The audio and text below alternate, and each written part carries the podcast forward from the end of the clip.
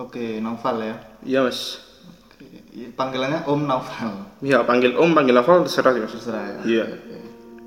Kenapa kok bisa pengen ngobrol di podcastnya Alfian tuh kenapa?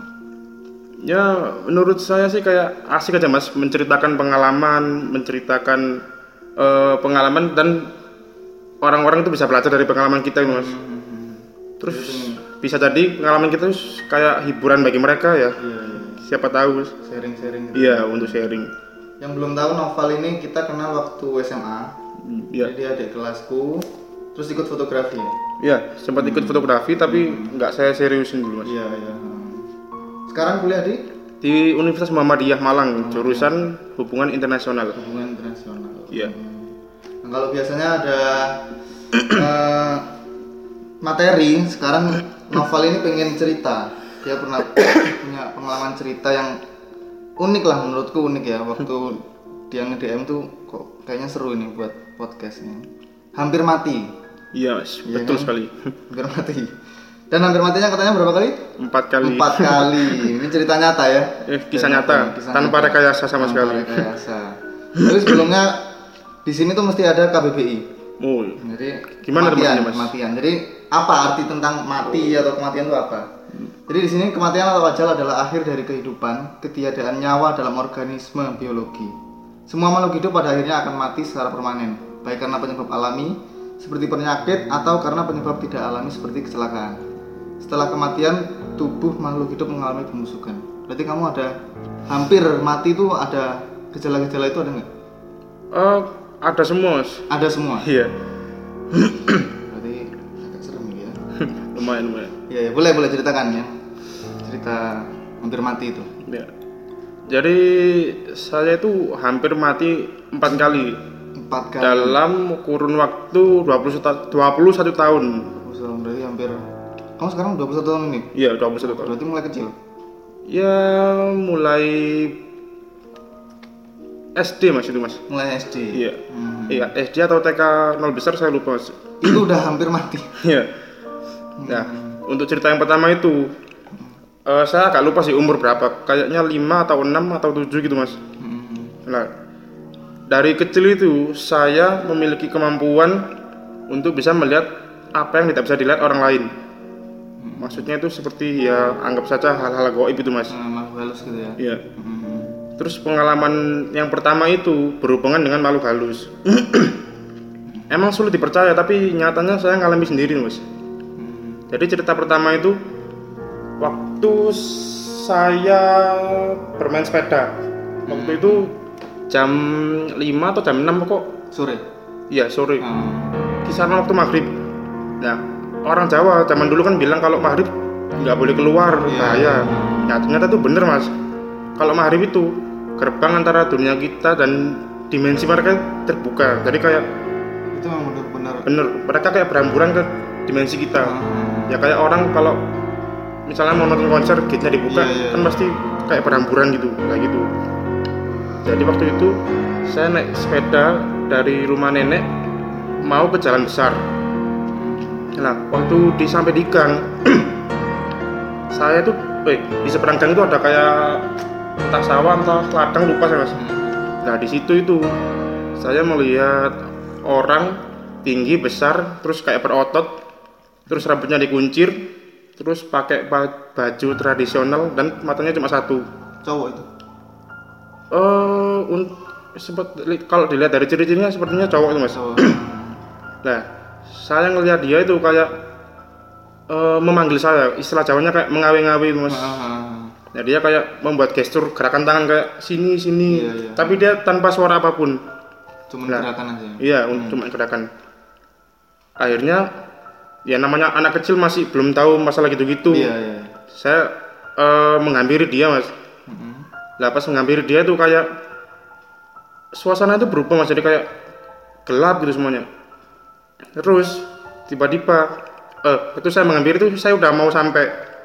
Lah tiba-tiba dari belakang ada suara manggil, "Val, Val." Ternyata tante saya.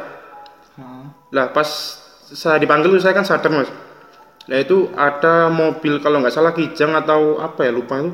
Itu eh, dengan kecepatan penuh udah hampir nabrak saya. Jadi kalau saya nggak dipanggil saya saya udah ma- masuk ke lajurnya mobil. Dan itu kalau saya nggak sadar bisa-bisa saya mati mas. Ya. Itu di di jalan raya. di jalan raya. Iya di depan gang rumah nenek saya. Eh, Berarti yang padahal baru nol besar. kalau nggak nol besar SD mas lupa mas pokok umur 5 atau 6 udah hampir mati. Dan Hebat itu sekali. tantemu itu manggil kamu karena kamu mau ke tengah jalan itu. Iya. Ya, saya bersyukur kalau misalnya oh tante, tante saya waktu itu posisi pulang dari kantor jadi ketepatan lewat Oh, jalan itu iya, juga. iya, iya. Lah kalau saya nggak dipanggil ya saya nggak bisa di sini Mas, nggak bisa ceritain. Bisa dari sini ya. Iya. Terus habis itu kamu nggak pernah apa tanya tantemu atau tentang makhluk-makhluk kayak gitu belum belum belum pingin ya? Dulu belum sempat kepikiran ya Mas ya, masih kecil masih belum tahu Mas.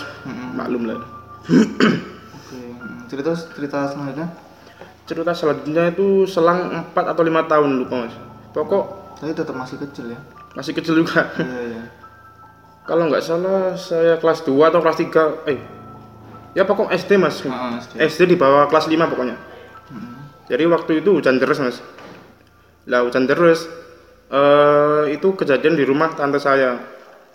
Tante saya itu bilang, Itu di Malang. kenapa mas? Di Malang. Di Malang. Di Malang. Hmm. Jadi tante saya itu bilang kalau hujan jangan nyalain alat elektronik. Ya namanya anak kecil kan penasaran lah, kayak oh masa nggak boleh, masa cuma gini aja dilarang gitu. Hmm. Akhirnya saya nyalain TV sama DVD kalau nggak salah mas. Hmm. Lah terus itu hujannya sangat sangat, sangat lebat mas yang sampai nggak kedengaran apa pun gitu. Iya. iya, iya. Jadi saya nyalain TV sama DVD. terus saya nyetel film dan suaranya kenceng. Terus setelah ya ada 30 menit saya nonton TV, kayak saya kayak ngerasa kayak kenapa kok tiba-tiba pengen ke kamar gitu, padahal nggak ada alasan jelas. Kayak tiba-tiba kepa- kepanggil gitu kayak Iya iya iya, pengen aja gitu. ya kayak Ah. intuisi itu menyuruh kayak kita ke, harus ke kamar gitu mas Ah, ah, ah. akhirnya saya jalan ke kamar Tapi TV dalam keadaan nyala. masih nyala Ah. waktu saya jalan ke kamar waktu saya membelakangi TV tiba-tiba ada petir atau bisa dibilang guntur kalau orang Jawa bilang itu Hmm. nyamber TV sama DVD tante saya itu Ah. lah terus percikan apinya itu kena punggung saya Waduh. lah itu kalau saya nggak pindah Ah, bisa-bisa ya Ya hampir mati itu kamu ya. kepala saya yang kena mas Waduh. soalnya radius ledakannya itu 5 meter dan kalau saya nggak pindah jarak saya sama TV itu cuma 2 atau 3 meter jadi kan ya Iya iya. iya. itu untungnya saya sudah mau masuk ke kamar dan saya membelakangi TV jadi kayak eh, efek lukanya tuh cuma sedikit cuma di punggung aja Tapi bekas ya itu ya? Enggak. dulu bekas sekarang sudah hilang soalnya langsung dibawa ke dokter dulu Itu kamu sendirian dulu? sama tante sama om tapi tante lagi di dapur om lagi tidur Oh gitu. Terus kamu teriak atau nangis atau gimana?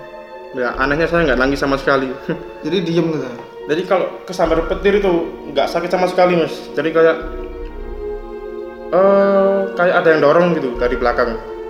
Tapi nggak ada rasa struman atau nyetrum kan? Enggak? ada cuma kayak tiba-tiba punggung itu kayak bergetar mas bergetar hebat lah terus pertama kan nggak sakit Hmm. terus kok tiba-tiba bau kayak gosong ternyata baju saya sobek kena mungkin kena listrik atau kena Ah. per- apa sepian eh sepian pokok kena apinya Iya percikan api. jadi baju saya bolong jadi lukanya itu cuma kayak luka kayak luka bakar mas. Ya untungnya nggak sampai yang parah banget gitu Nggak nggak berdarah ya? nggak sama sekali kayak melepuh malah Melepuh. iya Nah kalau kita cerita tentang kena petir ya, kamu pernah dengar ponari itu kan? benar Nah itu menurutmu gimana? Itu itu beneran atau kan dia katanya kesambar petir, terus dia dapat apa batu ya? oh iya batu katanya punya kekuatan Nah, itu ya, kamu nanggapin berita kayak gitu? Untuk secara ilmu pengetahuan Hmm. kayaknya nggak mungkin sama sekali mas Ya, orang kesambar petir Iya. santai-santai aja gitu. Mungkin ya. tapi kalau men- menurut ilmu fi- metafisika Hmm.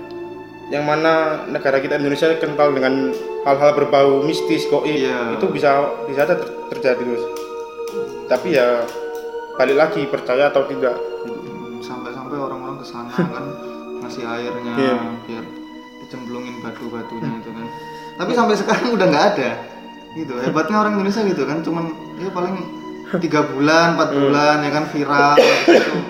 nggak tahu mungkin Terlupakan. ke- ya ke- kekuatannya hilang atau gimana nggak tahu ya gitu.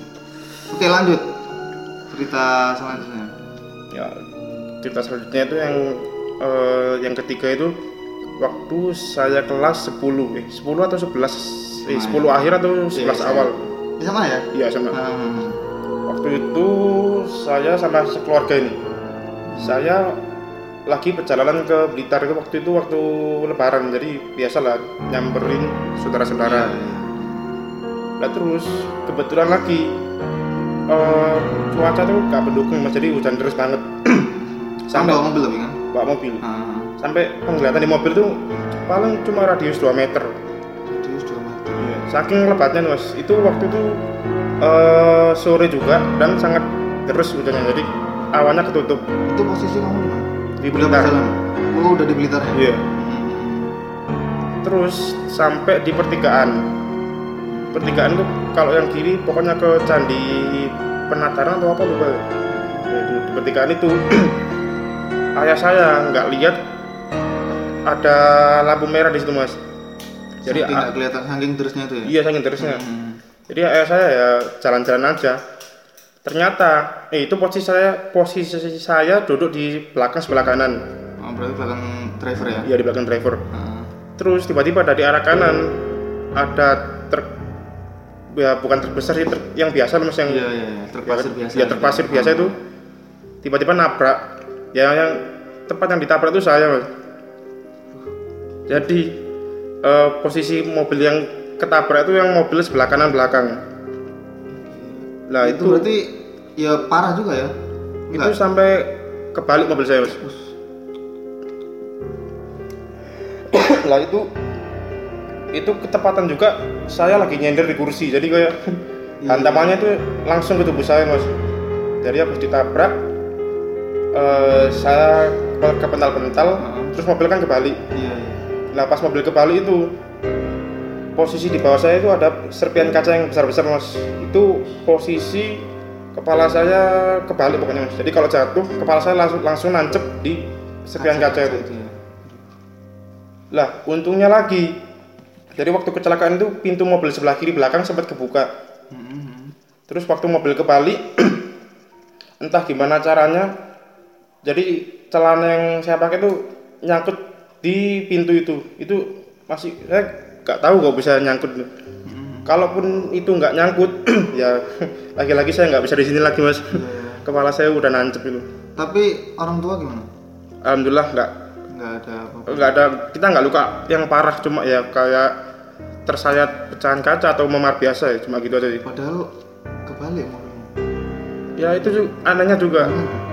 Mungkin kalau ayah sama ibu pakai sabuk pengaman kan jadinya aman oh kamu sendirian di belakang? Iya sendirian deh. Yang aneh itu yang saya kok bisa saya nggak kenapa kenapa ya cuma luka ringan sih. Ya itu mungkin Tuhan belum mengendaki saya pergi dari dunia mungkin. Tapi kecepatan nggak nggak tinggi kan aduh kurang tahu mas ya pokok Kurang mobil saya sampai kebalik itu. Terus pintu itu sampai ringsiknya parah pokoknya mas. Dan truknya pun sampai rusak parah juga. Ya mungkin 50 atau 40 gitu. Iya, kalau 40 pun ya anu kan tetap parah juga kalau Iya, yang nabrak truk besar kan. kecelakaan, iya, iya. tapi drivernya dia tanggung jawab atau enggak? Dia mau lari dri- drivernya itu mas. Hah? Eh, untungnya waktu itu eh, warga-warga sekitar itu langsung keluar mas. Jadi kayak bantu kita. Hmm, jadi kayak dia udah mau lari dihalang dihalangi sama warga akhirnya dia berhenti.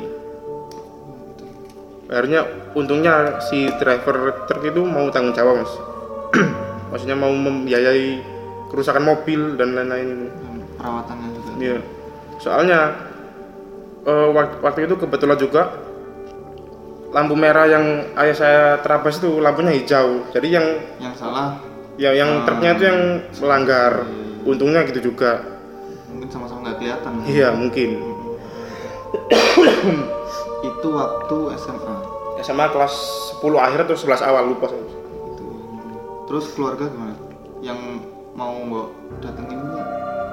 Langsung tahu atau baru Baru tahunya setelah besoknya. Jadi kita waktu itu habis kecelakaan langsung pulang ke Malang. Terus besoknya baru menginfokan ke keluarga kalau kemarin nggak jadi ke sana soalnya ada musibah gitu. Iya. Berarti buat yang dengerin ini tetap hati-hati ya kan? Musim Hmm. sekarang kan nggak bisa Iya, ditebak ya? dari tebak mas. Hmm, tadi aja pagi nggak ada matahari sama sekali iya. jadi itu ketutup awan jadi hati-hati buat yang naik motor atau naik mobil apa pun kendaraanmu Lagian orang zaman sekarang banyak yang nyetirnya tuh ngawur mas Nah. jadi kita walaupun kita sudah Hati-hati, dengan aman ya. ya orang lain yang ngawur mas dari kita yang kena Iya, makanya untungnya Soekarno Hatta ini macet ya jadi nggak ada yang Iya. ngawur ya oke mungkin di jeda dulu ya. Ini ada berita. Karena kamu ngomong tentang kematian aku nyarinya juga kematian. Jangan disepelekan. Berikut beberapa kasus kematian akibat tersedak. Kamu pernah nggak kesedak barang aneh atau biji yang agak besar biji buah. Pernah kesedak kecoa dulu mas? Tersedak kecoa tapi nggak sampai hampir mati. Iya tapi keluar kecoanya kan keluar keluar ya dan lumayan besar juga lumayan besar juga Iya. kok bisa itu Pak ya waktu saya minum kopi atau susu dulu lupa. Dan saya asal minum aja nggak tahu ternyata dalamnya ada kecoanya. Dulu, itu di rumah atau di tempat Waktu di rumah itu. oh di rumah ya Itu sudah waktu itu udah saya telan kecoanya. Terus kecoanya tuh kayak masih jalan ya? kakinya eh, nyangkut di tenggorokan. hmm, Terus akhirnya saya muntahin untungnya keluar. dan masih hidup udah mati. oh udah mati ya hmm. Oke, yang pertama tersedak rambutan. Pada 2013 seorang bocah berumur 5 tahun di Jatinegara tersedak saat sedang menyantap rambutan bersama keluarganya. Berdasarkan cerita ayahnya ketika makan rambutan ketiga balita ini melihat cicak di atasnya sehingga ia tersedak rambutan. Jadi dia waktu lihat cicak berarti yang salah cicaknya ya, bukan rambutannya. Ya, iya sudah cicak. Keluarga sudah mencoba memberikan pertolongan namun nyawa bayi tersebut tidak dapat diselamatkan kalau namanya takdir ya kan takdir. Iya. terus yang kedua tersedak muntah sendiri. Ya tahun 2002 orang-orang dikejutkan dengan kematian salah satu personil oh personil boy band. Boyzone Stephen Get Getley ya penyebab kematiannya pun membuat orang kaget. Bagaimana tidak Stephen harus kehilangan nyawanya karena tersedak muntahnya sendiri. Ia tersedak muntahnya sendiri ketika tidur. Oh nggak sadar mungkin. ya. Setelah sebelum mengkonsumsi banyak minuman oh beralkohol nah Wah, itu, itu. negatifnya alkohol lagi Ya, ya buat parah. mati. Bukan alkoholnya yang buat mati sebenarnya kan? Tapi efeknya itu. Iya. yang ketiga tersedak sempol. Nah, ini baru iya ini baru. Seorang bocah berusia 8 tahun di Jawa Timur meninggal karena tersedak jajanan sempol. Berdasarkan keterangan keluarga korban memiliki kebiasaan makan terburu-buru. Itu. Setelah sempat mendapatkan perawatan di RS Itihad Tobokan Serengat Serengat oh, kota apa Serengat korban dinyatakan meninggal dunia nah yang keempat ini tersedak taco tahu taco ya makanan dari mana ya Cari Meksiko itu Mas. Meksiko ya Iya. Hmm. seorang pria tewas karena tersedak ketika sedang mengikuti lomba makan taco di California udah mau ikut lomba mati ya.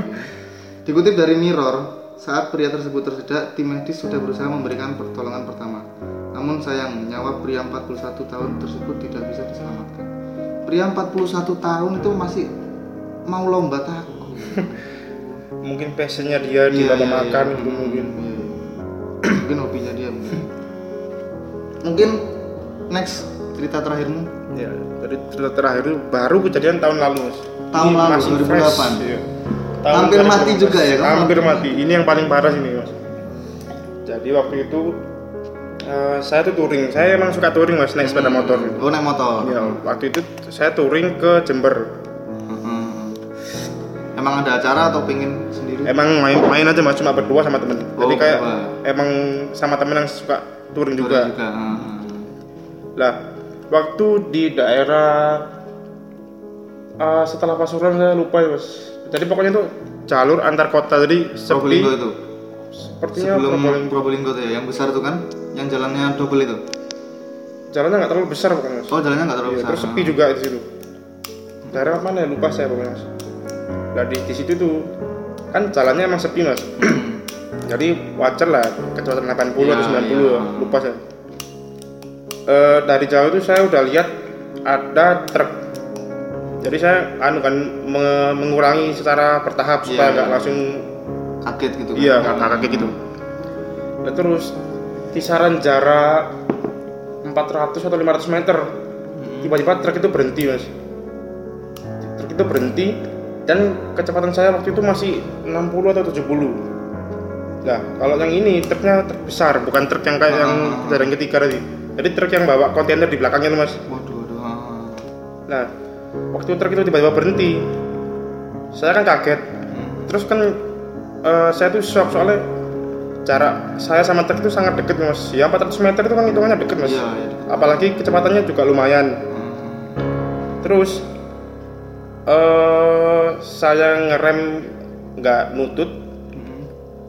Terus saya tuh eh mungkin jarak sama truk tinggal nggak sampai semeter mas. Jadi kepala saya tuh hampir nabrak ujungnya box itu Nabrak ujungnya box. Hmm. iya kalau misalnya saya nabrak itu mungkin kepala saya bisa lepas mas lah ini ada kejadian unik waktu itu jadi waktu jarak saya sama truk itu sangat-sangat deket saya ini nggak tahu gimana nggak tahu kenapa saya ngerasa kejadian di sekitar saya tuh kayak dari slow motion jadi kayak pelan-pelan Iya, gitu iya, iya. ah. Nah, waktu kejadian slow motion saya masih sadar, sadar dalam arti pikiran ya, bukan eh, kondisi tubuh. Ah. Jadi saya tuh mikir, apa takdirku mati sekarang? Apa udah nggak bisa lagi Kamu udah diselamatkan? mikir kayak gitu ya? Mikir gitu mas, soalnya jarak itu udah deket banget. Terus kecepatan saya juga masih kenceng. Ah. Terus kayak udah kayak udah nggak mungkin selamat gitu mas. Terus saya mikir, wah mungkin ini saatnya aku dipanggil sama sang kuasa. Hmm. Eh, terus entah kenapa setelah saya mikir gitu, tiba-tiba saya mikir, oh ini masih bisa untuk biar bisa selamat masih Iya, bisa iya, ini. ah. Terus dengan keyakinan yang penuh, dengan modal nekat juga, saya banting setir ke arah kiri. Di, lah, di kiri itu banyak kayak batu-batu atau kayu-kayu gitu mas. Soalnya kanan kiri itu masih kayak alam tuh, kayak kebun-kebun. Oh gitu, iya iya iya. Ya, Jadi saya banting setir pun juga spekulasi kalau saya nggak berhasil, terus saya jatuh, ya Iya. mungkin hasilnya sama aja. Ah, percuma. Iya. Ah. Dan yang saya ingat saya ingat bener itu waktu saya banting setir jarak kepala saya sama ujung box itu mungkin cuma berapa senti mas nggak sampai 10 senti mas pokok sangat sangat deket jadi ya keberuntungan saya sangat tinggi waktu itu. Hmm, Itu itu truknya berhenti karena apa? Nggak nah ini ya? truknya itu berhenti gara-gara ada eh, warga sekitar yang tiba-tiba nyebrang dan dia itu bawa kayak box jerami atau gimana yang ditarik pakai mesin nggak tahu mesin apa mas. Nah, si bapak yang nyebrang itu ditabrak sama mobil. Lah mobilnya itu ditabrak sama truk. Mobilnya itu ngerem dadak dan berhasil.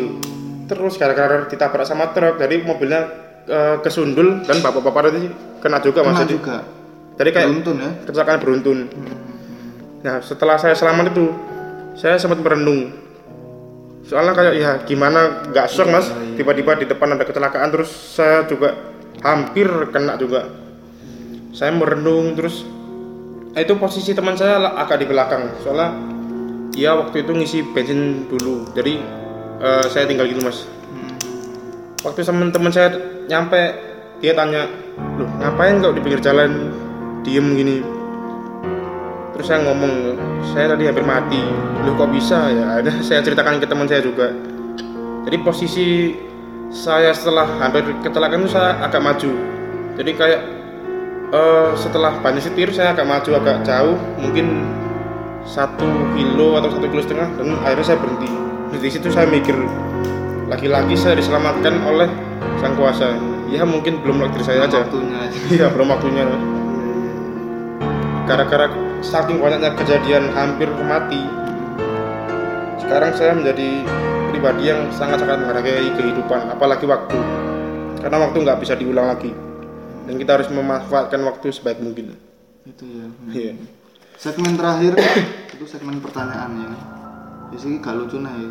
pertanyaan itu kan mesti ada singkatannya kalau kamu dengerin ya nanti kalau novel itu ta tafal ya tanya novel ya. Terus gak lucu soalnya serem misalnya nih tak um aja mas tak um. Tak um tanya iya, um. tanya um tanya um novel ya kan. Nah ini pertanyaannya satu aja ya. Tadi sebenarnya udah kamu sindir. Ada perubahan nggak setelah kamu ngalamin ke apa kejadian hampir mati yang empat kali? Ya yang seperti yang sudah saya sebutkan. Hmm. saya jadi lebih menghargai waktu lebih menghargai makna kehidupan. Terus saya ya bisa dibilang lebih mendekatkan diri kepada sang kuasa ya hitung-hitung berterima kasih karena masih diberi kesempatan untuk hidup ya seperti itulah Oke. Udah ini N ya tulisannya di sini N. Mungkin novel punya Instagram. Bisa tahu ada yang follow lagi kan.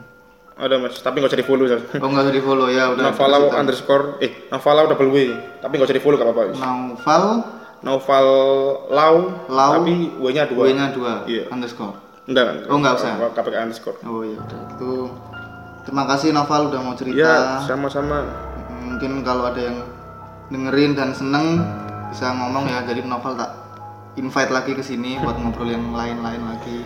Karena dia ke sini katanya punya cerita horor juga ya sebenarnya. oh sangat-sangat banyak Nah, sekali itu aku yang masih belum berani karena aku di sini sendirian ya kan.